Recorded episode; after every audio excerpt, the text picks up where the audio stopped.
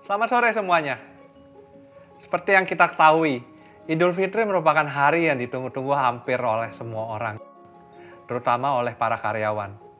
Selain merayakan hari raya bersama keluarga, ada satu yang ditunggu setiap tahunnya, yaitu tunjangan hari raya atau THR dari perusahaan. Di Danamon Financial Friday hari ini, kami ingin mengajak Anda bagaimana kita memanfaatkan THR itu dengan bijak. Berikut beberapa tips dari kami. Yang pertama, buat rencana pengeluaran lebaran. Seperti yang kita tahu, THR biasanya digunakan untuk mengatasi lonjakan pengeluaran pada saat hari raya. Nah, oleh karena itu kita harus mempersiapkan rencana dalam bentuk daftar belanja. Lalu, kita prioritaskan kebutuhan kita dan jangan berlebihan dalam berbelanja. Yang kedua, prioritaskan THR untuk lunasi hutang.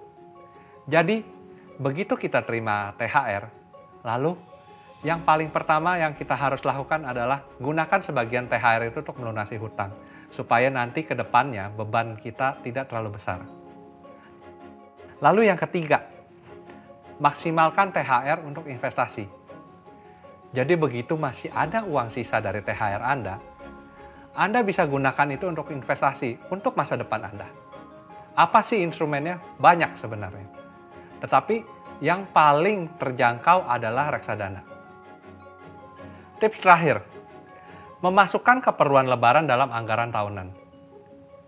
Kita tidak bisa menebak tahun depan kita butuh berapa anggaran untuk lebaran kita di tahun depan. Tetapi kita bisa mempersiapkannya dari sekarang. Nah, ada dua cara yang bisa digunakan, yaitu kita mempersiapkan tabungan khusus yang dialokasikan untuk lebaran, atau kita juga bisa menggunakan instrumen investasi yang khusus kita siapkan untuk kebutuhan lebaran tahun depan. Itu tadi tips dari kami. Kita ketemu lagi di Danamon Financial Friday minggu depan. Terima kasih. Selamat Idul Fitri dan mohon maaf lahir dan batin.